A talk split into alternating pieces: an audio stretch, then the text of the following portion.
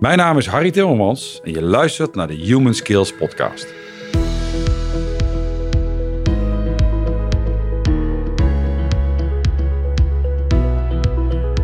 In aflevering 2 van de Human Skills Podcast is Harry Timmermans mijn gast. De reden dat ik hem graag wilde interviewen is dat hij in zijn rol als gemeentesecretaris samen met zijn mensen werkt vanuit het vertrouwen dat de meeste mensen goede intenties hebben. Dat vond ik een hele mooie intentie. Daar wilde ik graag meer over weten. Waar veel organisaties en overheden iedereen door de molen van wantrouwen halen, zegt hij: waarom zou ik dat doen als maar een paar procent van de mensen geen goede intenties heeft? Harry vertelt hoe hij tot dat inzicht is gekomen en hoe hij zichzelf en zijn mensen dagelijks daarin bij de les houdt. Hij vertelt ook waarom je er als leidinggevende niet leuker op wordt als je je te veel vereenzelvigt met je positie. En je hoort met welke drie concrete acties hij met zijn thuiswerkende mensen in coronatijd een boost aan het onderlinge vertrouwen heeft gegeven. Dat en nog veel meer inzichten over het werken vanuit vertrouwen deelt Harry met je. Wil jij ook werken vanuit vertrouwen? Dan raad ik je aan deze podcast helemaal uit te luisteren. Ik wens je heel veel inspiratie.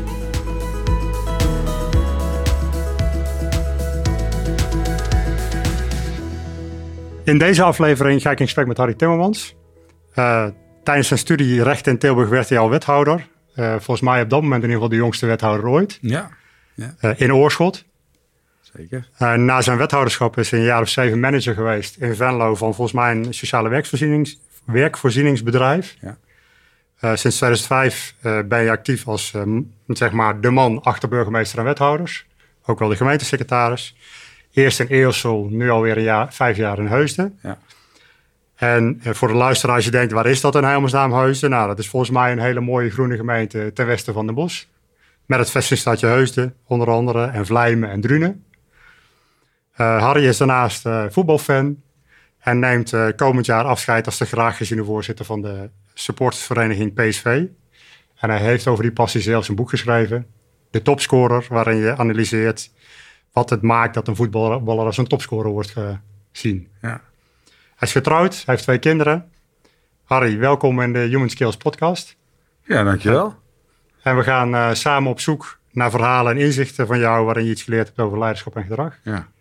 En we gaan het in ieder geval ook hebben over dat je, wat je vertelde toen we kennis maakten, dat je de stap naar huis hebt gemaakt om iets te implementeren in het leiderschap waar je in gelooft. Namelijk het werken vanuit het vertrouwen dat de meeste mensen een goede intentie hebben. Ja. En dat vind ik heel erg interessant, uh, nou, hoe je dat doet, waarom je erin gelooft. En ik vind het uh, leuk om in ons gesprek met een, uh, met een vaste vraag te beginnen, die ik altijd stel aan het begin. Wat wil je laten horen als je groot bent? nou, ik wilde als, als, als kind dolgraag het winnende doelpunt scoren in, in, de, in de laatste minuut in de WK-finale tegen Duitsland. Uh, ik ben van het bouwjaar 71, dus dan, dan, dan heb je als uh, zeg maar derde generatie zeg maar na de oorlog. Mijn ouders zijn in de oorlog geboren, of net daarvoor, maar mijn opa en oma's die hebben daar meegemaakt. Dus als kind krijg je heel veel van die oorlog mee. en gelukkig is dat vijandbeeld van heel erg genuanceerd. Maar toen de tijd was Duitsland, dat je daarvan kon winnen, dat was toch wel het hoogste, het hoogste goed. Maar ik had al heel snel in de gaten, Robert, dat, mijn, dat ik een hele goede voetballer was. In de bovenkamer, maar dat dat niet helemaal matchte met mijn motoriek. Uh, dus ik, uh, ik het schortte wat aan de uitvoering ja, op het veld. Ja, ik, ik, ik heb daar, ik, daardoor heb ik ook in, in, mijn leven veel onterechte gele en rode kaarten gepakt. Want ik zei dan, dan had ik een, dan had ik een tackle en dan zei ik, ja, ik kwam niet helemaal uit met mijn passen. Maar het, ja, daar droomde ik wel als manneke van. Maar die droom was al snel, uh, snel onhaalbaar. En ja, toen, toen droomde ik, waar droomde ik nou van? Ik was, dat is wel een hele mooie vraag. Dus die, die voetballen, maar dat was eigenlijk al snel duidelijk dat het dat, dat niet kon worden. Als je mijn, mijn cv nu net weer zo opzomt, dat is wel een cv die zich um, afspeelt in de publieke zaak. En, en dat heb ik van thuis uit wel heel erg meegekregen. Uh, dat het gewoon eervol is om iets voor een ander te mogen doen. En of je dat nou doet in de vorm van uh, politie. Mijn broer is bijvoorbeeld werkzaam bij de politie. Of je doet dat in de politiek. Uh, of je doet dat in het vrijwilligerswerk. Of iets zeg maar gratis voor een ander. Zonder, zonder dat je daar iets voor terug wil. Dat heb ik wel van thuis uit meegekregen. Dus ik wilde... Voetballen lukte niet, maar een, een goed mens worden. dat, was, dat is een ambitie die, ja, die blijf ik tot de laatste snik wel nastreven. Ja, ja zijn uh, goed mensen in de zin van iets voor de publieke zaak betekenen. Ja, maar ook, maar ook wel van, uh, van mensen. Ik kreeg laatst de vraag van waar ben je nou trots op als je terugkijkt op wat je tot nu toe de reis die je hebt gemaakt, ook, ook qua loopbaan. En ik zei, ik ben er wel trots op dat ik op de plekken waar ik geweest ben, en meestal kom ik niet ergens kort, maar ben ik wel, verblijf ik ergens wel een bepaalde tijd. Hè, dus vanuit een soort loyaliteit. gevoel en ook om impact te kunnen maken. Dat overal waar ik geweest ben, ik nog met, ja, ik nog met open armen word ontvangen.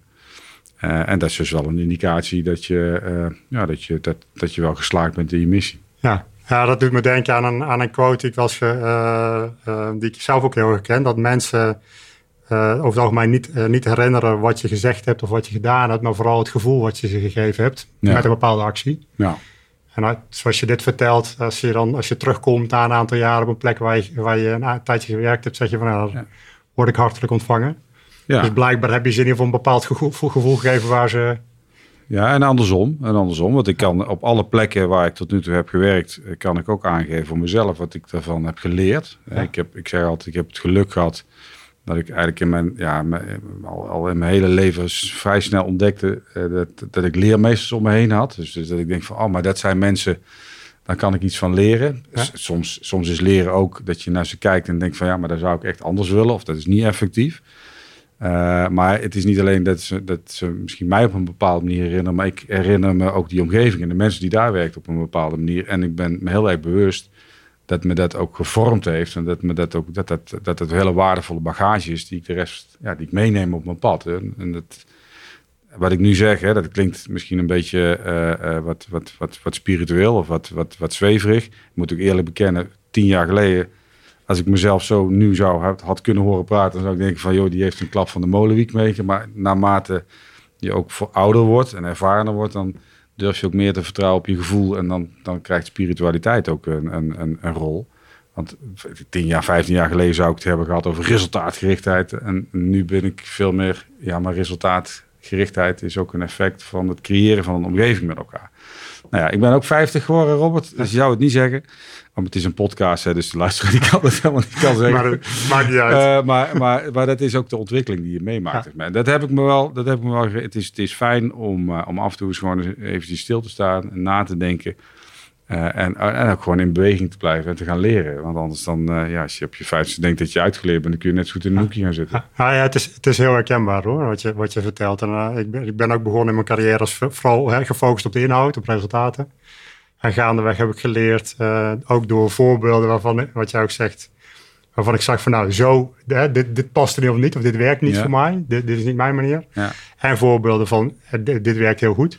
Ja. Uh, geleerd van, het, gaat, het zit in, het, in de samenwerking, in het vertrouwen, in het gedrag, wat je met elkaar dagelijks vertoont. Ja. Waardoor die inhoud en die resultaten op een, op een hoger plan komen. Ja, en ik, ik, ik stipte net leermeesters aan in het, in het gesprek. Maar als je, eh, dat hoeft allemaal niet uh, groot zijn meeslepend op het werk, in een werkomgeving te zijn. Dat, dat, is natuurlijk, dat begint natuurlijk in je eigen omgeving.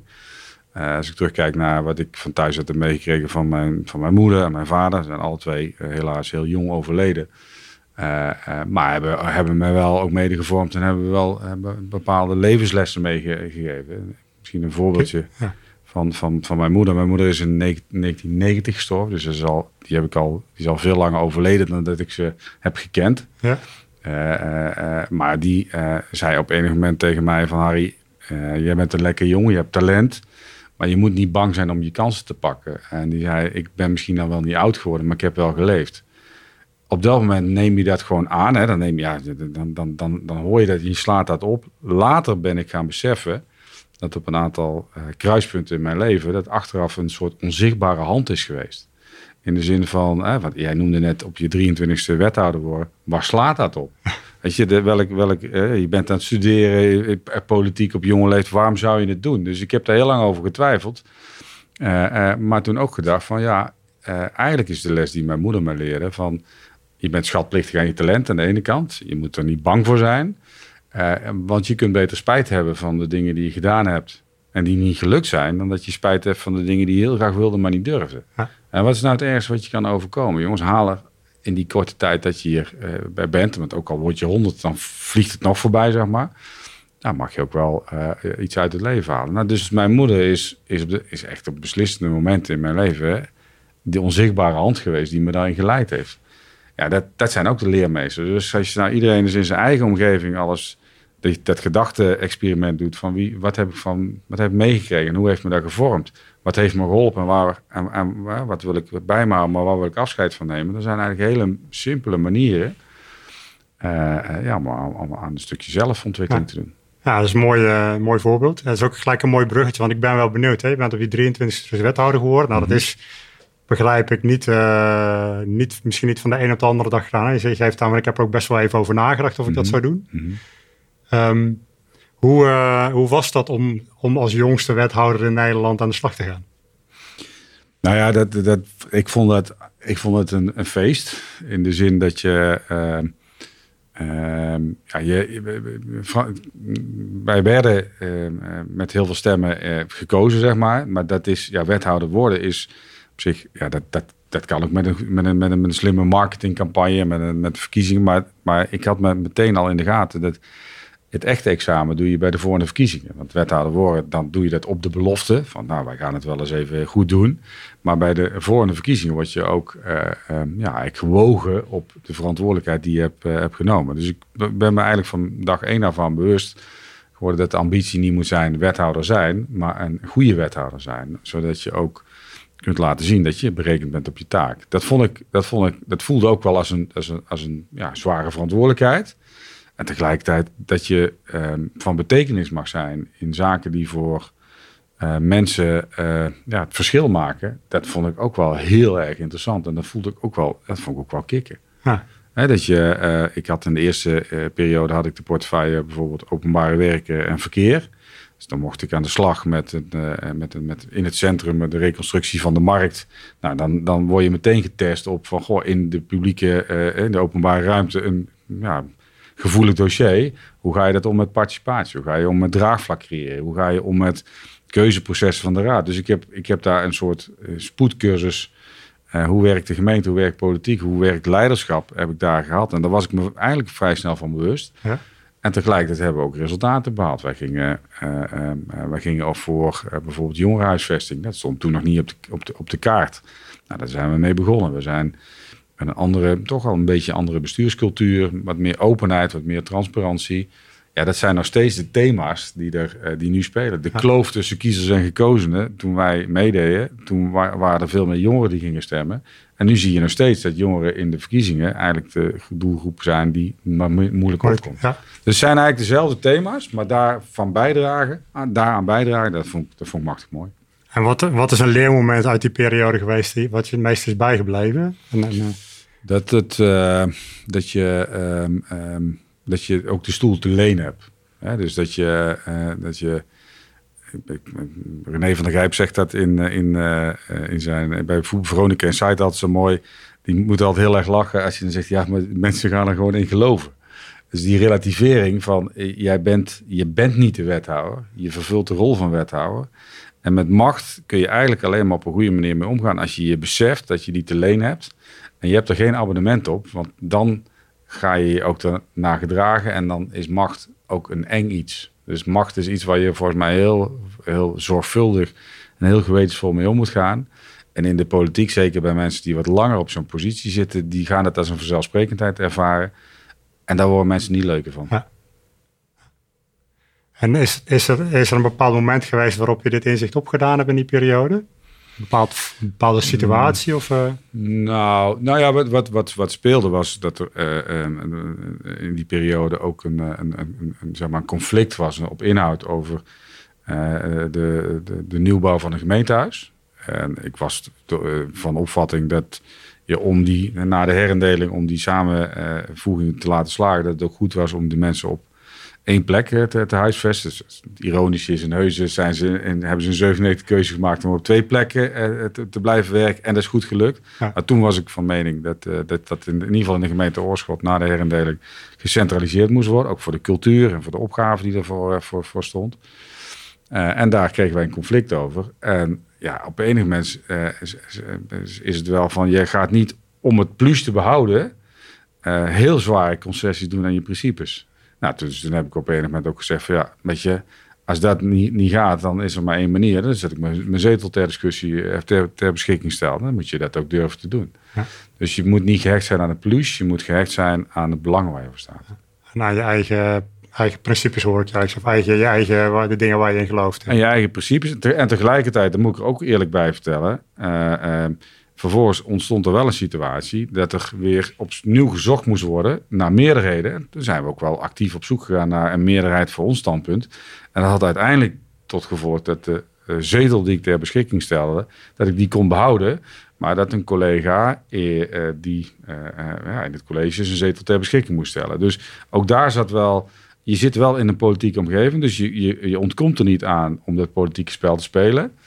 Eh, eh, en, en dat is soms ook een hard vak, want dat had tot gevolg dat de collega die toen zei, ja, ik blijf zitten, eigenlijk alsnog eh, het veld moest ruimen. Dus, dus politiek is ook ja, soms ook wel een heel, een, een heel eenzaam en een heel hard vak. En dat maakt ook dat ik me heel goed kan inleven in de, in de leefwereld van wethouders, raadsleden en wat iets meer zijn. Dat neem ik in mijn rol als gemeentesecretaris als een waardevolle ervaring mee. Ja.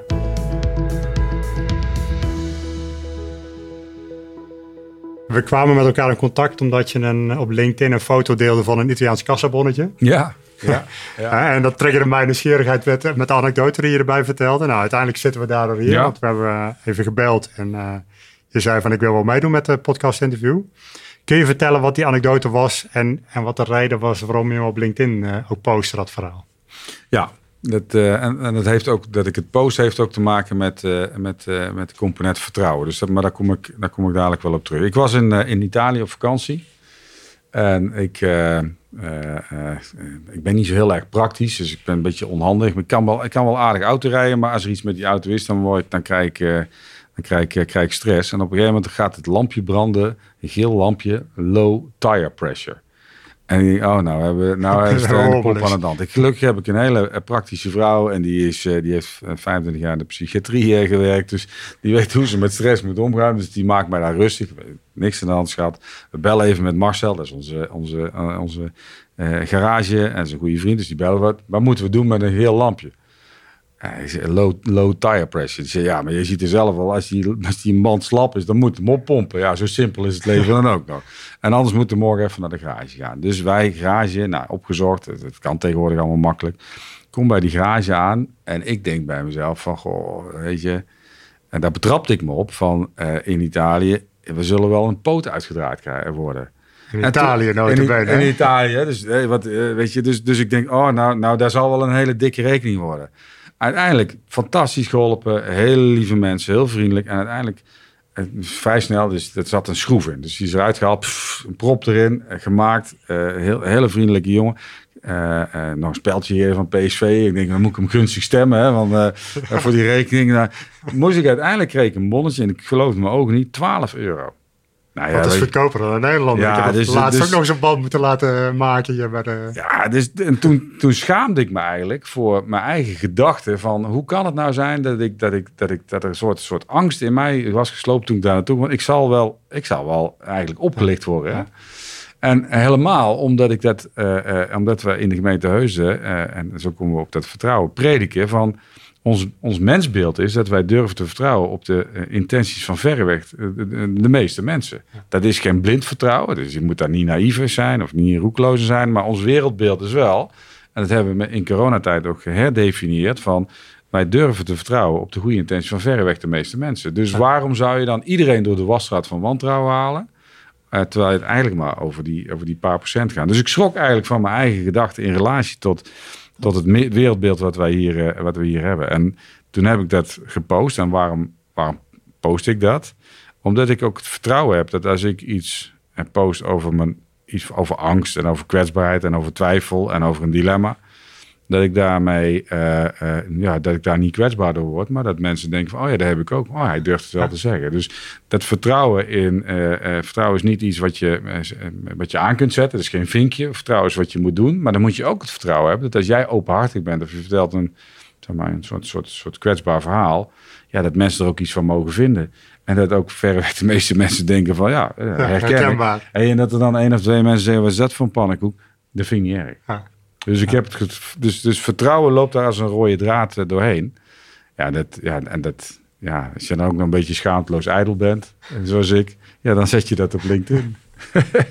nou ja, het is een hele herkenbaar, heel herkenbaar, dat gevoel van ik zal wel een poot uitgedraaid worden. Ja. Dat is, ik denk dat heel veel mensen dat herkennen. Maar ik was me niet bewust, Robert, dat dat, uh, dat heb ik misschien in het verleden was vaker gedacht. Er schreef ook iemand onder in een comment van de hoek, die, die vond ik dan niet zo leuk.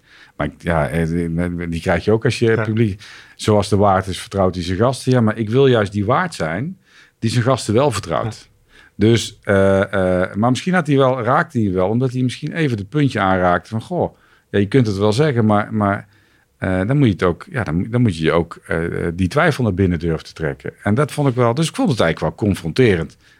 En ik heb het vertrouwen als ik confronterende dingen en het, deel dat, dat, dat daar goed mee om wordt gegaan. Ja. ja. Nou ja, het is een mooi, het is ik vond het een heel mooi voorbeeld en ook heel mooi dat je het deelde. Uh, hè, want het, ah, het is herkenbaar. Hè? Je, je, krijgt, je moet naar de garage in het buitenland en ik zal wel een poot uit, ja. uitgeraaid worden. Die, ik denk dat leeuw, wat ik al zeg, de leeuwendeel van de mensen herkent dat gevoel wel. Um, en, het, en het mooie is ook wat je zegt van uh, we, pretenderen, of we, nee, niet, nee, niet pretenderen, we willen hier bij deze gemeente vanuit dat principe wat je schetst werken. Ja. Uh, en het, als leiderschapstrainer is dat ook wat ik, A, wat ik zelf ook ervaren heb, maar ook wat we nu in onze trainingen meegeven. Het gaat uiteindelijk om voorbeeldgedrag. Dus wil je, laat, wil je het vertrouwen krijgen, ja. dan zul je ook het vertrouwen moeten geven. En ook, uh, en, en, ook inderdaad die, die kwetsbaarheid. Dus, hè, als je kwetsbaarheid van de ander wil, uh, uh, daar ruimte voor wil geven, mhm. dan gaat het pas werken als je het zelf ook laat zien. Ja. Nou, je hoopt daarmee, maar dat, dat je daarmee ook bijdraagt aan een klimaat waarin mensen zich vrij voelen om dat te delen eerlijkheid gebied wel te zeggen van dat ik, dat ik niet, dat ik toen ik dat poster was, dat gewoon een verhaal wat in mijn hoofd zat. En zoals ik hem nu uitspin, was, dat had ik me allemaal niet zo bedacht. Dat is misschien wel het effect. Maar ik, was, ik wilde gewoon delen dat ik eigenlijk schrok van mijn eigen gedachten. En dat ik me eigenlijk een beetje betrapt voelde. Dat ik mezelf betrapte op die gedachten. En dat ik me achteraf schaamde. Dat ik denk, ja, maar dit zijn, dit is, dit zijn ontzettend lieve professionele mensen die, die in de verse verse nooit het idee hebben gehad. Hoe heb ik dat kunnen denken?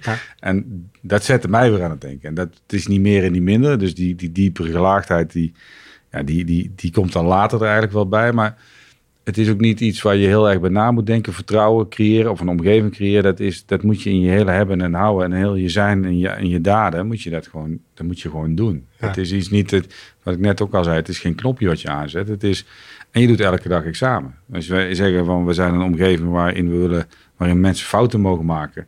En bij de eerste, de beste keer dat het misgaat, ga je als een achterlijke idioot eh, reageren. Ja, dan zeggen ze mooie woorden, niet helemaal. Maar ja, dit zijn de praatjes, maar dit zijn de daden. En als dat niet spoort, dan hebben mensen dat feilloos in de, in, in de gaten. En ja, zo wil je niet zijn. Ja. Heb je, heb je een voorbeeld waarop, je dat, waarop dat bij jou uh, gebeurd is? He, zonder namen toe, nou maar, maar een situatie waarvan je zegt van nou, als ik daar nu op terugkijk, dan had ik een, een bepaalde uh, uh, koers voor mezelf gedachten. Maar, maar dat examen, daar ben ik, daar ben ik niet glansrijk voor, voor geslaagd. Ja, die, die, die, dat, weet je, dat, die zijn er ongetwijfeld heel veel in de loop van, van, van, van mijn carrière tot nu toe. Ik ben in 94 ben ik begonnen. in, in, de rol van wethouder, later business unit directeur in de sociale werkvoorziening. vak van gemeentesecretaris, nu al, al, al al 16 jaar. Ik maak aan de lopende band fouten.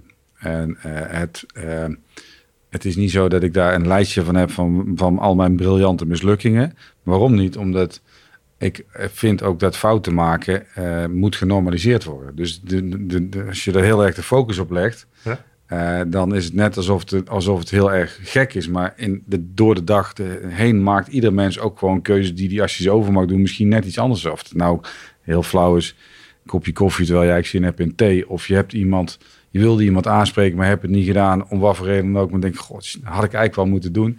Dus ik vind dat fouten horen bij je werk. Ja. Uh, uh, ik heb alles fout gedaan in het begin van mijn ambtelijk, uh, van, van, mijn managementcarrière, wat ik, wat ik fout heb kunnen doen. Maar daardoor ben ik wel geworden waar ik op dit moment sta. is een beetje een cryptisch antwoord hoor. en ondertussen ben ik wel aan het ratelen. Wat is nou echt een enorm stomme fout die ik heb gemaakt? wat ik, nou, wat ik heb geleerd, waardoor ik misschien bepaalde fouten niet meer maak, ja.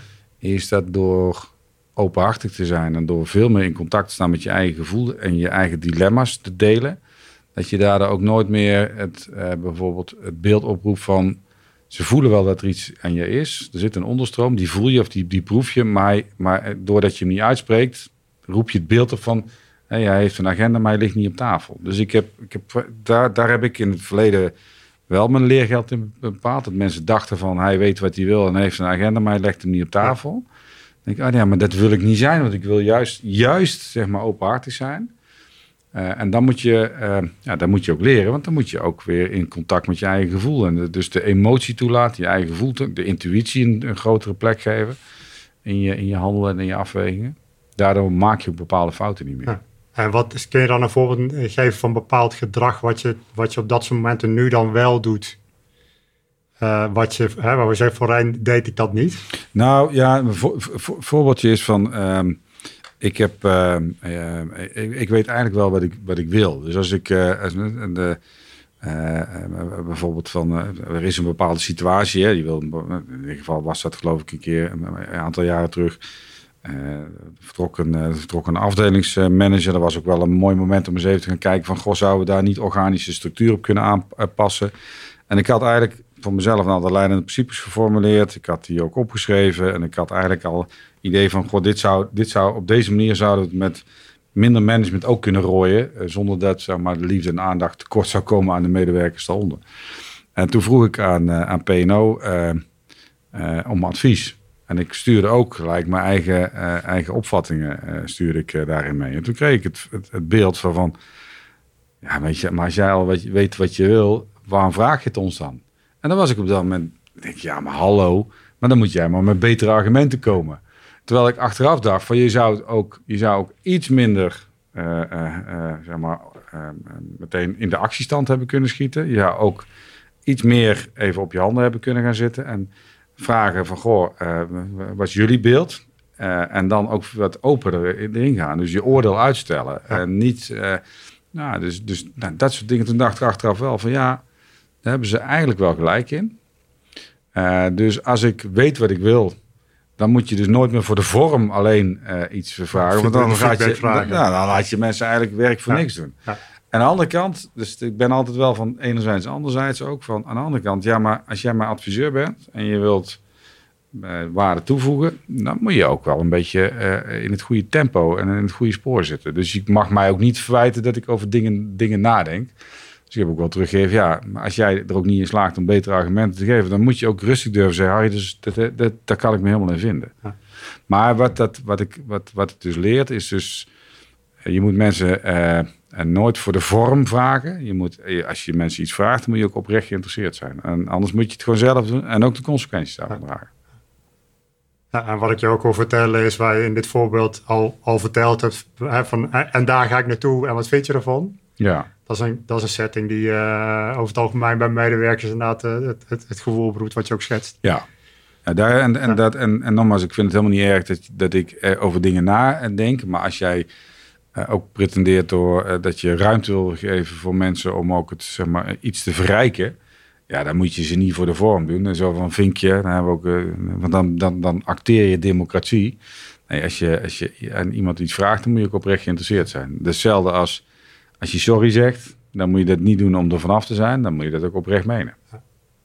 Dat is ook wel iets dat, wat in de loop der jaren. Nou ja, ook wel. Ik, ik vind wel dat je daar zuinig mee moet zijn. Ik vind niet dat je om het. mijn moeder zei ook: je mag alleen maar sorry zeggen als je het ook echt meent. Dus ik ga voor mezelf ook wel na van: vind ik dit dan ook sorry waardig? Zeg maar. Zeker ook omdat in een politieke omgeving uh, sorry ook zoiets een hele, hele sterke lading heeft. Terwijl het in het, ja, in het, in het normaal menselijke... als een minister sorry moet zeggen, nou dan moet hij... Oh, dan heeft hij, dan heeft hij strafwerk. Ja, het, het stokpaardje wordt nu regelmatig van stal gehaald. Ja. Dan, dan, moet iemand even sorry zeggen. Ja, nee, maar je moet het, wel, echt, je moet het wel echt menen. Dus ik ga voor mezelf wel naar, meen ik dat dan, dan ook echt? Maar mijn, mijn oudste dochter zei, zei laatst, had ik iets... Had, ze vond iets dat ik iets... Ja, iets, iets dan zei ja pap, dat, dat, dat kun je toch niet maken? Dat vind ik echt stom. Ja, ja, oké, oké. Ja, maar zegt, ja, maar, maar zegt niet eens sorry. En daar zit een dacht van, ja, ja, daar heeft ze wel gelijk in. Maar er zit ook zoiets, ja, ja, maar ik moet het wel echt menen. Dus ik moest het, ja, maar dit pap, jij hebt het toch gewoon niet goed gedaan. Zeg dan gewoon sorry, Tim. Ja, nou ja, dat... dat Maar goed, dat is, eh, ik weet niet of ze het leuk vindt dat ze in de podcast genoemd wordt. maar mijn kinderen, en daar wil ik mee zijn, mijn kinderen zijn natuurlijk ook, en ik denk iedereen met kinderen, het zijn ook spiegels. Ja, spiegel hoe, hoe, oud zijn die van jou? Mijn, mijn dochters zijn uh, uh, bijna 19 en, en 22. Ah. Ja, en als je het nou hebt over om, ja, echt, ja, die jou ook gewoon kennen door en door. En die ook geen remming voelen om het je te geven. Ja, dat zijn echt, dat zijn, ik heb zo ontzettend veel geleerd van die kids. Ah. Ah. Ik denk, ja, dat is, dat, dat, dat bedoel ik, we hadden het over leermeesters. Mijn, mijn vader moet, maar mijn vrouw, maar mijn kinderen die directe omgeving, ja, daar leer je eigenlijk nog veel meer van. Ja. kinderen zijn zeker een spiegel. Ik heb er zelf drie. Ja? En een leeftijd 9, 11 en 13. En dat is echt... Uh, ja. Dit soort opmerkingen, die, gaan maar, die ga ik ook nog vaker krijgen, denk ik. Ja. Nee, maar dus, mooi. Maar dat zijn, weet je, dat zijn ook wel... Uh, dat is ook wel... Ik, ik zit hier... Ik, ik heb nou kunnen luisteraars zien, maar ik heb gewoon net pakken. Ik heb een stropdas om. Maar dat is mijn, dat is mijn uniform. Dat is mijn werkkleding. Als ik thuis kom Weet je, dan loop ik echt niet in een pak rond. En dan, is, en dan is het ook niet zo, ik open, ik open deze vergadering. Dan zeg je, ga je lekker en vlei mee, eh, bij de hand lopen doen. Dus het is ook veel meer van tussen leefwereld en systeemwereld. Eh, altijd je beseffen van, jongens, doe eens even normaal, gezond verstand. Dat is ook een van de leidende principes. Wij zeggen, wij, wij zweren bij uh, durf te vertrouwen op de verantwoordelijkheid die mensen kunnen nemen. Maximum gezond verstand, minimum bureaucratie. Het heeft ons in corona-tijd ook heel erg veel, veel gebracht. Moeten wij nou echt tegen, uh, tegen mensen gaan zeggen tot op de minuut hoe zij uh, op afstand thuis moeten gaan werken. Ik kan me nog de discussie herinneren, die hebben wij ook gehad over. Hè. Dus we zijn geen haar beter als, als al die bedrijven die daar allerlei protocollen voor, schrijven. Maar we hebben die discussie goed beslecht. Toen zei iemand tegen me, Harry, hoe weet jij nou dat als iedereen thuis werkt, dat ze hun werk doen? Ik zeg, als wij hier nou aan het vergaderen zijn, wij zitten nou in deze ruimte. Hieronder zitten, voor corona, zitten ze al iedereen te... Hoe weet ik nou of ze nu aan het werk zijn? Als ik dat vertrouwen niet durf te hebben, dan moet ik een ander gesprek voeren met mensen. Dus, de, dus, dus dat corona heeft ergens met, met, ook met leiders iets gedaan van, oh, maar nou moet ik iets in de controle schieten. Terwijl ik juist het omgekeerde, ik moet nu juist in het vertrouwen schieten en die mensen het vertrouwen geven dat ze ook thuis dat doen eh, waar ze ooit voor hier zijn, eh, zijn begonnen. En dat vond ik zo, zo bijzonder. Dus dat mensen zeggen, ja, maar hoe weet je nou... Managers ook echt totale verwarring. Hoe weet je nou of ze wel iets doen? Ja, hoe weet je als ze naast je zitten of ze iets doen. Ja. Ja, dan ga je. Ja, dat is, het is heel herkenbaar. Wij hebben als leiderschapstrainers ook gemerkt dat heel veel leidinggevenden door corona, die, hè, die, die toch dachten vanuit vertrouwen te werken, maar, maar onbewust ook controle-elementen in hun gedrag hadden zitten. Die daar ineens in doorschoten. Ja. Uh, omdat mensen niet meer in de buurt zitten en ze dus niet meer langs kunnen lopen. Dus het is uh, herkenbaar dat die dynamiek speelt. Nou, wat, we, wat, wat je. Uh, wat mooi was, was de discussies van dat we ook echt expliciet eh, in het managementteam bij elkaar hebben gezeten en gezegd van wat is nou onze managementopgave? En dat zat hem niet in uren staten, dat zat hem niet in resultaatgerichtheid, dat zat hem in uh, uh, in verbinding blijven, op afstand in verbinding blijven. Dat zat hem in de vinger aan de pols houden van hoe zitten mensen erbij. Dat zat hem in het bespreekbaar maken van, van bepaalde thema's die speelden bij mensen. Ik heb een bel in november, december heb ik een belronde gemaakt. Ik heb ongeveer 250 collega's uh, gesproken via de telefoon en, en, en, en alle andere collega's, omdat ik of, bezoek ben geweest. Dus ik, ik in, in, verbinding betekent ook met iedereen in coronatijd persoonlijk contact gehad hebben. En een van de onderwerpen die iedere keer terugkwam, althans bij een aantal mensen terugkwam, was uh, dealen met het thema schuldgevoel. Je bent thuis aan het werk. Uh, uh, maar je, ja, werk komt wel je privé binnen. Je hebt ook nog je zorgtaken. We hebben, toen hadden toen een tijd dat mensen ook nog gewoon thuisonderwijs moesten gaan geven. Wij hebben gezegd, als dat interfereert met jouw werktaken, dan gaan we ervan uit dat jij, als jij je schooltaken voor je kinderen voorgeeft, dat dat ergens op de grote hoop wel een keertje wordt verevend. Maar daar moet je je prioriteit leggen. Als er knelpunten zijn in het werk, stem je dat af met, met je cluster en met je manager. Maar wij gaan hebben gewoon het vertrouwen dat als jij dat doet, dat dat ergens wel een keer verevend wordt, want jij bent uit het goede hout gesneden. Uh, tot en met dat mensen zeiden van, ik voel me schuldig als ik onder uh, thuis, terwijl het werktijd is, een wasje draai. Dus we hebben toen in onze wekelijkse uitzending, dat heet Keek op de Week, daar hebben we een wekelijkse uitzending ja. bijpraat, heb ik ook het thema schuldgevoel heb ik ook bij de kop gepakt. En ze eigenlijk bijna een soort verbod op schuldgevoel in. Ja, dat kan helemaal niet. Maar ook door het bespreekbaar te maken en door de voorbeelden aan te halen, kreeg ik achteraf terug toen, hè, dat mensen zei, toen jij dat vertelde, toen, nou, toen had ik echt een soort opluchting. Dat dat, dat, dat is Ja, gewoon een soort, mag. soort stuk ontspanning bij mensen, omdat het dus... Ja, maar dus in plaats van dat je in de controle eh, eh, eh, schiet, schiet je juist in de modus van wantrouwen en het bespreekbaar maken van angsten, dilemma's en schuldgevoelens. Nou ja, dat, dat heeft ons wel een soort gevoel van samen team Heus opgeleverd. Dus je, je haalt net aan hè, van, eh, ja, ik heb in, eh, in, in eind vorig jaar alle, alle twee, 250, 300 mensen, 300 medewerkers ook aandacht eh, gegeven. Mhm. Ehm, want het is wel, in, in onze programma's is aandacht ook een van de, van de elementen waarvan we eh, het leidinggevende trainen, van dat, dat is een hele belangrijke eh, interactiemiddel waarmee je zeg maar, dat aan het vertrouwen kan bouwen. Wat, en, en wat, wat is daar voor je, heb je daar voor jezelf een soort van spelregel in hoe je dat wil doen? Eh, Nee, niet, of, niet, of, niet, niet direct spelregels. Het is gewoon een. eh, ehm, nou, het, het, ging al. Als je op afstand verbonden wil blijven. en je hebt als credo ook in coronatijd samen Team Heusden. eh, op afstand verbonden, dan, dan moeten dat geen loze woorden zijn. Want anders is het holle marketing. En dan, vind, dan krijg ik er zelf, ik krijg daar jeuk van. Dus het is wel, ik wil ook de bewijslast leveren. Dat ik daar, in, eh, dat ik daar ook echt aan gewerkt heb. Ik, ik had me, ik had wel vrij snel het gevoel van dat corona een, een, een tijdsgevricht is waarin je leiderschap gedefinieerd wordt. Dus denk, hoe wil ik nou dat, dat mensen later op deze periode terugkijken? Dat het een mooie marketing was of dat het ook echt was. Dus ik vind ook het echt, het authentieke, dat je dat ook echt meent. Dus doen wat je zegt, dat vind ik belangrijk. Dus toen heb ik op een gegeven moment dat ook gewoon, eh, gewoon lijst opgevouwen. We hebben in zijn totaliteit 330 collega's aantal collega's zijn gewoon aan het werk gebleven. Die heb je gezien. Dus hebben mensen van de buitendienst, mensen hier van het klantcontactcentrum. Dus je hebt best een aantal mensen ook gewoon fysiek gezien. Maar een hele hoop mensen zaten thuis. Dus ik heb gewoon met een Excel-lijst en dan gewoon de, met de lijst doorgeploegd. Waarbij de eerste echt zich ook die schrok. Want die heeft de secretaris belt. Die had niet zo. Nee, maar ik heb niet met 330 mensen. Die hoef ik echt niet elke dag te bellen. Van joh, heb je zin om naar je werk te komen? Nee, die komen uit zichzelf. Taakvolwassenheid. Dus een aantal mensen spreek je niet dagelijks. Dus aandacht geven. Ik had twee vragen voor mezelf. Van, hoe is het met je? Eh, en, de tweede vraag is, stel dat je mij was, wat zou jij doen? Wat vind jij belangrijk? Eh, het maakt daar ook aantekeningen van. Dus ik heb daar voor mezelf ook een, een, soort, soort logboekje bij gehouden. Omdat ik dat ook wilde terughalen van, van ja, maar wat, ja, hoe wordt het geapprecieerd? Wat kunnen mijn managers daarmee, eh, daarmee mee, mee doen?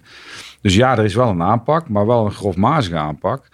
En, ik, eh, en wat ik daarvoor deed, was de factor tijd inbouwen. Dus ik blokte ook echt gewoon uren in de agenda. Zo van, van bellen, mensen bellen. En dan bel je, maar die hebben niet altijd tijd. Dus je moet ook nog gewoon uitkomen. Dus moet je weer bijhouden van, goh, wie heb ik gebeld, wie dan wel. terugbellen. Want zei iemand, ja, ja, ik ben nog niet gebeld. Dus dan, wordt het, dus dan moet je ook nog oppassen.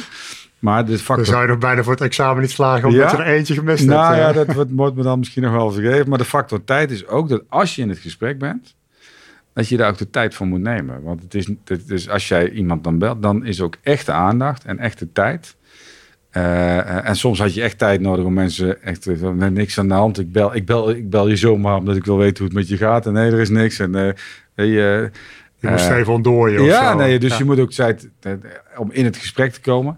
Maar wat ik heel mooi vond, is dat mensen heel erg openhartig zijn. En dat ik kennelijk ook met, ja, dat je met z'n twee ook iedere keer in, in om vrij snel tot de kern en tot vertrouwen. En tot ook die. Ik vond het heel stoer dat mensen durfden te vertellen: ik heb een schuldgevoel als ik een wasje draai. Ik vond het heel stoer dat mensen. Ik, ik, ik, ik ben gewoon op onderdelen gewoon echt niet productief. Want ik, ik krijg het gewoon op dit moment echt niet gekeerd. Want ik moet die kinderen huiswerken. Harry, ik trek het op enig moment even niet. Eh, eh, nou, dat vind ik heel stoer dat ze dat eh, vertellen. Er zijn ook organisaties waar ze het niet vertellen en ook niet doen. En dan En die breken, mensen vallen een moment van de tafel. af. ja, en dan breek je mensen af. En dan ben je met elkaar een soort, een soort schijnwereld in stand aan het houden. Nou ja, je schetst hier een heel mooi voorbeeld van dat je hè, bewust tijd in je agenda hebt ge- ingeruimd om die, eh, de, de- de, marketing eh, eh, body te geven Ja, door ze te bellen. ja, En wat je ook schetst, hè, de- bij de een zal het gesprekje misschien een kwartier geduurd hebben en bij de andere ben je Ja. drie kwartier aan het bellen geweest. ja. Omdat, je, nou ja, omdat er gewoon stof was om het over te hebben waar je nieuwsgierig naar was. Ja, en, en ook je agenda. Hè? Want eh, weet je, als ik ga kijken, ehm, eh, die tijd kon ik ook blokken. Omdat ik, eh, er was natuurlijk ook in mijn agenda heel veel ruimte ontstaan. Omdat je in, mijn, in mijn rol ben je ook veel buiten aan het spelen. Ben je ook met netwerken bezig. Ben je ook, ben je ook aan het ophalen. Je- dus ik kreeg ook, hè, zeg maar, omdat door corona werd het heel erg... eh, eh, zeg maar, in het begin had ik het idee, alle leuke dingen mogen niet meer. Maar naar de hand denk ik, ja, maar het heeft mij ook de kans opgeleverd om veel meer en veel dieper en veel breder in verbinding te raken met, met veel meer collega's dan ooit. Dus in die zin, als je het dan omdraait, is, collega, is corona ook een soort eh, cadeautje geworden. Waardoor ik die verbinding op persoonlijk vlak met veel mensen tot stand heb kunnen brengen. En daardoor ook een beetje heb kunnen bijdragen aan ja, waar, waar dat mensen samen door de crisis zijn gekomen. En het heeft je dus ook eh, dingen opgeleverd. Hè? Dat je vertelt over dat schuldgevoel Ja, en het wasje draaien. ja, Waardoor je eh, daar ook actie op, op kon ondernemen om dat dus bespreekbaar te maken. ja. Waardoor je, omdat, je- omdat je misschien van meerdere mensen terug, het terugkrijgt, ja, schat ik zo in. Nou ja, de rode, de rode draden. eh overigens, eh, meten is weten. Wij hadden ook... eh, eh, ik heb in de, in gemeente Heus het geluk dat ik met heel veel goede collega's mag werken. We hadden ook een, een, een, continuïteitsteam. En die gingen ook nadenken, ja, het is leuk, meten is weten. Maar dan moeten we dat ook gaan, gaan, dan moeten we dat ook gaan doen. We hebben tien keer een centimeter uitgevoerd. Waarbij eh, mensen zijn bevraagd van hoe, hoe, voel je je verbonden met teamheuzen. Hè? Het gaat over communicatie. Wat zijn, wat zijn nog tips? Dus een aantal open vragen, maar ook een aantal terugkerende vragen. Zodat je ook bijna een soort hartslag in de, in de eh, organisatie kon, eh, kon zien. Van hoe zitten mensen erbij? Was het sentiment? Vaak na persconferenties. Dat had ook wel een bepaalde, een bepaalde impact. Ik heb wel vanuit mijn rol aangegeven. Ik zou het fijn vinden als we dat gaan, gaan meten. Maar ik heb fantastische collega's die dat vervolgens zijn gaan uitwerken en die het vervolgens ook hebben uitgevoerd. Je doet dit niet alleen. Het is echt niet zo dat, dat, dat 330 mensen voor hun geluk afhankelijk zijn van de rol van gemeentesecretaris. Totaal niet. Je moet je rol nooit overschatten. Eh, eh, maar je hebt wel een rol om te coördineren dat, en de ruimte te bieden aan collega's om met de goede dingen bezig te zijn. Nou, eh, heb ik het geluk, zei ik net al, dat er hier heel veel talenten en heel veel goede gasten rondlopen die die ruimte ook hebben gepakt. Ja, en dan kom je samen tot resultaat. En dat bedoel ik met samen door de crisis was onze leus. Maar ja, als ik het in mijn, als ik het in mijn eentje had moeten doen, dan waren we nooit samen erheen gekomen. Dus ja, het moet ook, het moet echt zijn. Het moet niet. Eh, eh, en daar bedoel ik misschien van, van, van wat je zegt van wat heb ik geleerd. Ik eh, kom redelijk vlot uit mijn woorden. Het ziet er bij mij soms misschien wel uit alsof het, of het, zeg maar makkelijk gaat. Maar dat is een effect van keihard werken. Dat vergeten soms mensen. Maar daardoor zouden mensen ook wel eens het idee kunnen krijgen dat, het, zeg maar, dat ik het zo uit mijn, uit mijn mouw schud. Nee, dat doe ik samen met mensen. En dat delen en dat uitstralen, dat het geen Harry-show wordt, maar dat het een ensemble is. Ja, dat heb ik ook wel moeten, dat heb ik ook geleerd in de afgelopen jaren. Misschien is dat even, jij noemde de, to, de topscorer, schiet me nou te binnen, Robert. Ja, De topscorer is, is een boek dat heb ik geschreven in 2008. Eh, eh, en, eh, en dat gaat over een bloemlezing van zes toonaangevende topscorers. Over bijna allemaal PSV'ers, want dat het bloed kruipt waar het, waar het niet aan kan. Dus, is de niet andere helemaal- clubs hebben geen topscorers, hè? nou, het is niet helemaal objectief, maar, maar goed, dat, dat daar gelaten.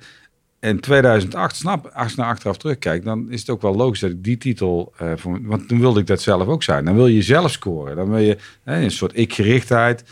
Eh, heeft misschien met leeftijd te maken, met resultaatgerichtheid. Als je wat meer meegemaakt hebt en meer ervaring in, met, je wordt wat rustiger, dan durf je ook meer op die ervaring te leunen en ook op de intuïtie. En dan durf je ook meer de aangever te zijn. En dan kun je er ook van genieten als anderen scoren. Nou, ik, ik geniet er inmiddels van. Ik hoef echt niet alle doelpunten zelf te maken. Ik scoor nog, pik nog graag een doelpuntje mee, maar ik kan er ook van genieten als, als zoveel fantastische collega's doelpunt maken.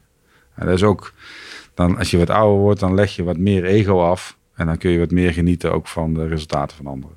Ja, en dan net, eigenlijk hoor ik je dan ook zeggen, dan de, de, door, de, door ervaring eh, die je in de jaren hebt opgebouwd, eh, heb je ook door dat, dat je als, eh, als je niet als eh, spits zelf voor, voor het doelpunt gaat, maar als spits samen met het team Ja, voor het doelpunt gaat, je er ook Ja. eh, aan eh, meer van kan genieten als je als team scoort. Hè, of Ja. jij het dan doet of iemand anders. En is, het, is jouw ervaring dan ook dat je dan ook eh, misschien makkelijker doel, hè, doel, eh, tussen aanhalingstekens doelpunten scoort eh, en misschien meer doelpunten scoort? Hè, dus betere resultaten, betere successen? Als team? Nou, weet je, ehm, als team wel. Ik denk, ik denk de- maar of ik, of, ik, eh, of ik ze zelf moet scoren, dat weet ik eigenlijk niet. Ik denk dat, dat, dat, ik denk dat die scoringsdrift, ehm, die zit natuurlijk altijd wel een beetje in. Want als je, je, moet- je, je moet toch een bepaalde manier een plank voor je kop hebben. Als je zegt van eh, ik wil ergens directeur worden. Want ja, ik ben de juiste man op de juiste plek. Dus het is best wel aanmatigend. Om de, of de, de- toen ik mezelf verkiesbaar stelde, zei ja, stem op mij. Want ik weet het zo goed. Ja, wat wist ik nou? Ik was 23. Hè? Maar, dus je moet, een bepaalde, je moet een bepaald zelfvertrouwen hebben. En ook een, een bepaalde eh, vertrouwen in je kwaliteiten. Dat jij de juiste man op de juiste plek bent. Maar de, de, de, de, ja, het is echt waar. De wijsheid komt wel met, eh, met, eh, met, met de jaren. Als ik nu ooit interviews met mezelf teruglees van toen, dan, dan zit ik te denken, nou, wat een, wat een bedweterig pedant mannetje. En als mensen deze podcast luisteren en mij niet kennen en dit voor het eerst horen, denk ik, ja, wat, een- wat, een, wat een, die man die, die, die lult alsof het gedrukt staat. Eh, maar is al, is al veel milder dan dat ik ooit geweest ben. dus ik leer ook. Dus over tien jaar de podcast misschien nog genuanceerder, misschien nog milder. Maar altijd wel met het doel voor ogen. Wij zijn er als eh, mensen voor de publieke zaak om op een positieve manier het verschil te maken voor mensen. Hoe gaaf is het dat je ambtenaar mag zijn? Dat je dus eh, eh, eh, ja, gewoon iets kunt betekenen in de levens van mensen. En wij, zijn er, wij noemen dat hier mogelijk maken, maar wij zijn er wel om de mensen vooruit te helpen. En de mensen er zelf redzame die te ondersteunen, zodat ze eigen initiatieven waar kunnen maken. Maar in toenemende mate ook een verantwoordelijkheid voor mensen die het zonder de hulp van de overheid niet kunnen redden. In de zorg, in de WMO, in de jeugdzorg. Ja, dan, dan, is dat, dan is dat fantastisch mooi om dat te mogen doen. En het is tegelijkertijd ook iets om af en toe wakker van te liggen. Want het is een zware verantwoordelijkheid. Want ja, we willen het wel goed doen. Maar dat we, ja, dat we trots mogen zijn op het werk wat we, wat we doen. En, en niet in een hoekje zitten schamen van... Wat zeg jij? Ja, ik ben ambtenaar. Eh, helemaal niet nodig. Ik ben heel trots op dat ik publiek dienaar ben. En dat ik zeggen, ik ben mogelijk maken bij de gemeente Heusden. Mooi, mooi. En ehm, waar ik nog wel even nieuwsgierig naar ben, hè, ehm, is eh, hoe, hoe ziet dat er dan in de, eh, hoe, breng je dat dan in de praktijk? Van dat, vanuit het vertrouwen dat eh, mensen met, de goe- met goede intenties, of de meeste mensen met goede intenties, eh, doen wat ze doen. Hè? Je noemt nu een aantal dossiers waar je, waar je natuurlijk ook best uitdagingen zal hebben met, met je, met je Ja. 330 collega's. Ehm, hoe geef je daar concreet vorm aan dat, want je zegt ook, ik, hè, doe het niet allemaal in mijn eentje, ik doe het met die hele ploeg mensen. Ehm, hoe, hoe breng je dat dan op hen over en hoe geef je hen dan de ruimte om vanuit dat principe te werken? Dat gaat ook niet van de ene op de andere dag, lijkt me. Nee, dat is, dat is, dat ehm, dat, dat is eigenlijk een eh, dilemma's eh, be- be- goed bespreekbaar maken. Juist de schuurmomenten opzoeken, die bo- boven tafel krijgen en het daarover hebben. Ehm, ik, ik werk altijd graag met verhalen en met voorbeelden. En, eh, even, even één truc. Ik zal daar één een voorbeeld geven van wat in coronatijd bijvoorbeeld gespeeld heeft. Wat ons helpt nu is dat wij eh, in de afgelopen eh, periode best tijd geïnvesteerd hebben in van waar staan wij nou voor? Wie zijn wij nou? Wat zijn onze kernwaarden en wat zijn onze leidende principes? Dus als je kernwaarden zijn dat je de klant centraal stelt, dat je kernwaarde is wij gaan voor dialoog en samenwerking en eh, de kernwaarde is we spreken aan en we nemen verantwoordelijkheid. Dan, dan kun je daar heel veel situaties aan eh, herleiden. Van, goh, is dit nou een goed voorbeeld van aanspreken? Want aanspreken kan zijn, eh, Robert, eh, wat maak jij me nou? Oh, maar dat kan ook zijn op een, ja, op een verantwoorde manier zaken bespreekbaar maken. Die zegt van, goh, en Je, dit deed toen, je zei toen dit en, ja, en dat maar vervelend en, gevoel. en, en- en- en je houdt het bij jezelf in plaats van. Nou, dat, Ja. dus, dus dat is heel bazaal. Maar leidende principes zijn ook bijvoorbeeld: hoe kijk je, naar, hoe kijk je nou naar de mensbeeld? En dat mensbeeld van. Eh, eh, wij durven te vertrouwen op de goede intenties van verreweg de meeste mensen. Dat hebben we bijvoorbeeld eh, gewogen toen het vorig jaar ging over door, al dan niet doorgaan van de kermis. En een heel mooi voorbeeld in coronatijd werd er in Tilburg, de gemeente, die regio gezegd van de kermissen mogen niet meer doorgaan. In de regio waar, wij toen van de veiligheidsregio onder vielen, zeiden ze van nou ja, je mag je eigen afweging maken. Toen hebben we dat ook gedaan. Van, er zou ons niemand hebben veroordeeld als we hadden gezegd, nou, veiligheidshalve lassen we het af. Maar, zij, eh, eh, eh, we in de discussie ook met, eh, met burgemeester en wethouders. En onze burgemeester was daar ook heel sterk in. Die zei, tot nu toe merken wij dat onze inwoners supergoed hun best doen om zich te houden aan die maatregelen. Als wij nu zouden zeggen, wij durven er niet op te vertrouwen, zeg je eigenlijk ook iets Ja. over je eigen inwoners. Dus, dus ik zou kunnen zeggen van, wij durven te vertrouwen op de goede intenties. We moeten wel flankerend ze gaan helpen eh, eh, ja, om, om dat mogelijk te maken. Dus we willen wel maatregelen met bijvoorbeeld dat we, dat we gaan tellen dat er niet te veel mensen komen. Dat we ook een bepaalde afhekking doen, zodat het ook het terrein ook overzichtelijk blijft. We zullen met exploitanten gaan kijken hoe kunnen ze desinfecterend spul en wat is meer zijn. Maar bazaal durven we de organisatie, maar ook onze inwoners het vertrouwen te geven dat ze binnen uh, voorwaarden wel die ruimte op een goede manier kunnen invullen. Die kermis heeft plaatsgevonden. Dat werd gezien als een cadeautje voor, voor, voor de mensen die naartoe gingen in coronatijd. En het is heel goed gegaan. De andere kant van de medaille is, zouden wij hebben gezegd van we durven het risico niet aan uh, uh, en we hadden het verboden, dan zou er ook niemand hebben gezegd van dat is een raar besluit. Ja. Nou, dus zo dat af. Dus dit was er ook eentje die je, die je afpelt. Een leidend principe is geen heilige graal waarbij je alles maar af kunt toetsen. Maar je kunt het er wel over hebben. En wat moet je dan doen als er een dilemma is? Met mensen aan tafel gaan zitten. Afpellen wat, is, uh, wat, zijn, wat, ja, wat, wat, wat speelt er. En met elkaar komen tot een besluit. Ja. Het, het klinkt heel makkelijk. Maar in feite is het dat ook. Ja. Het is vooral dan ook een kwestie van elkaar bevragen. En naar elkaar willen luisteren over hoe, zit, hoe ziet in ieder de, de situatie ten opzichte van het principe waar je het over hebt. Ja, je moet dan wel inderdaad uh, uh, ja, niet een soort, uh, soort, soort, soort kunstje uitvoeren. Je moet dat dan ook echt wel doen. Je moet dan echt dat dilemma delen. En dat vraagt dus ook om het vertrouwen dat je dit dan ook... Hè, want een dilemma delen heeft ook zoiets als... Ja, nou, dan moet ik wel mijn kaart op tafel. Ja, natuurlijk. Je legt wel je kaart op tafel. Ja. Ja, we zijn alweer terug bij het voorbeeld wat je eerder in het ja. gesprek noemde van hè, met die HR-manager waarvan ja. je zei ik weet al wat ik wil. Ja. En, en, wat vind jij ervan? Ja, dan heeft het geen zin. Want dan moet je gewoon, dan moet je, dan moet je, dan, of dan heeft het, kan het nog zin hebben. Maar dan zeg je van, dit is, dit is wat ik in mijn hoofd heb. Probeer eens het lek te schieten. Dat ja, dus, ook, maar dan ben je weer op een andere manier. dus dan, is, dan, kies je een andere insteek. Ja, dat is meer, ik stel mezelf centraal en een ander moet mij omkegelen. Terwijl je ook kunt doen van, goh, we pellen het dilemma af en we gaan wegen en we gaan tot... Nou, dat laatste heeft, heeft goed gewerkt. Dan heb je ook een gedragen besluit. En dan neem je ook de mensen die misschien bepaalde bedenkingen hebben serieus. Want dat is bij de overheid natuurlijk soms ook wel een, al een lastige. Uh, er zijn het ook, ook een minderheid die ergens problemen heeft. Heb je net zo'n grote verantwoordelijkheid voor als de meerderheid die zegt doen. Ja.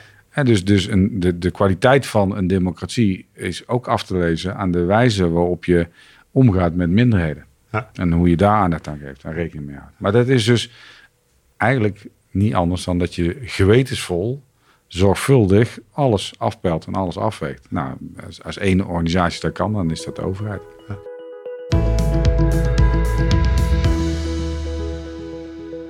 We komen tot een afronding van het gesprek. Wat ik een, altijd een leuke vraag vind om te, uh, met mijn, uh, de mensen die ik interview uh, om die te stellen is: wat is het laatste boek dat je gelezen hebt?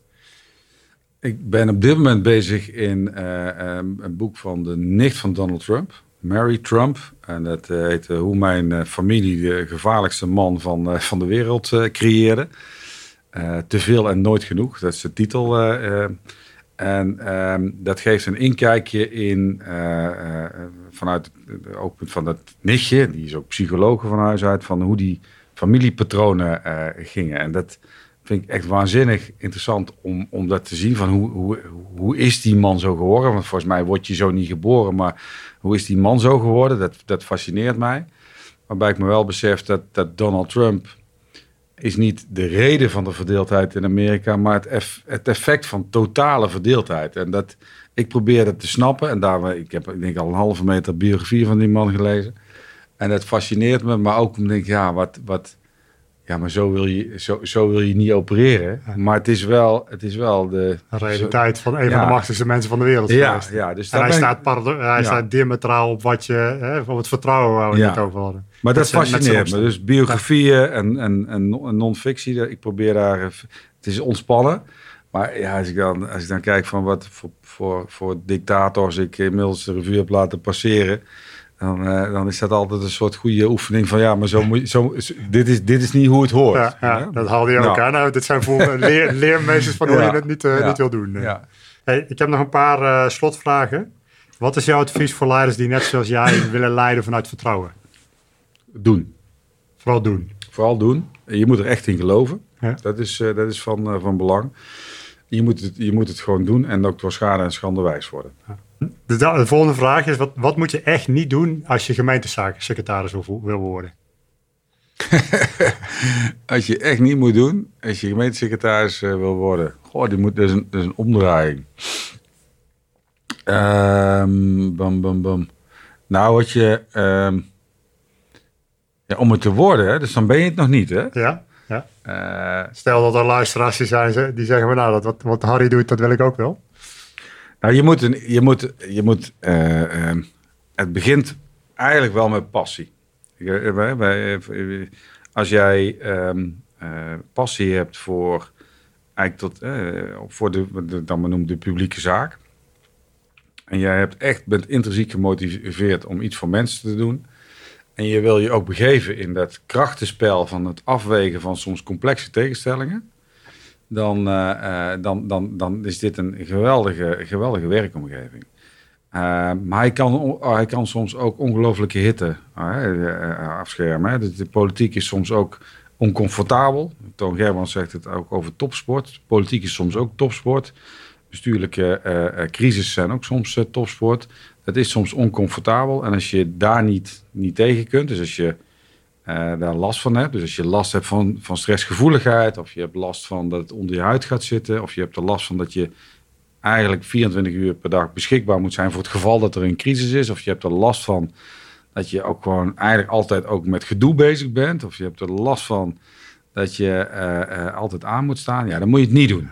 Maar als jij zegt, ik, ik wil van betekenis zijn, ik wil bestuurder eh, in de, in, op de, aan het stuur zitten in een ambtelijke organisatie, om het verschil te maken. Ik, ik, vind, ik ga lekker op gedoe.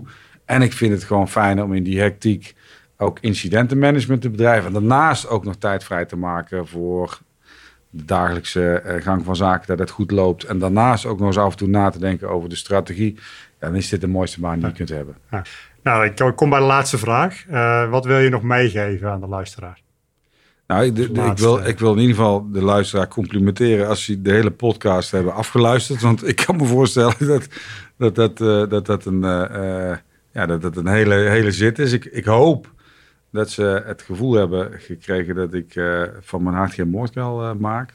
En dat we in de gemeente Heusden oprecht en, en intrinsiek gemotiveerd zijn om het goede te doen voor mensen. En dat ik de wijsheid niet in pacht heb, maar ook lerend ben. En uh, dat als je je lerend en kwetsbaar opstelt, uh, dat dat vanzelf naar je toe komt, de inzichten. En dat is een inzicht wat ik echt, waar ik misschien wel veel te lang over heb gedaan om dat te komen. Maar ik ben blij dat het me in de afgelopen periode is aangereikt. En, ik, en, ik, en ik gun dat ook de luisteraar. Mooi. Dan zijn we een mooie afsluiting. Dankjewel Harry voor het gesprek. Ik vond het heel boeiend. Dat vond ik ook. Dankjewel voor de tijd. En, en nogmaals, luisteraars die, die dit hebben afgeluisterd, uh, chapeau en, uh, en mogelijk tot horens. Ja, dankjewel. Je hebt hem uitgeluisterd. Dat betekent dat wat Harry te delen had, je kon boeien. Ik hoop dat je geïnspireerd bent om ook meer vanuit vertrouwen te werken. Ik gun je dat je, net zoals Harry, op jouw manier buiten het gebaande pad gaat in je leiderschap. Daar zit namelijk jouw impact. Wil je meer interviews beluisteren met leiders die ook buiten het gebaande pad gaan? Zorg dan dat je op mijn podcast mailinglijst komt via www.humanskillspodcast.nl. Dan krijg je bericht zodra de volgende aflevering klaar staat. Tot dan, leid intens.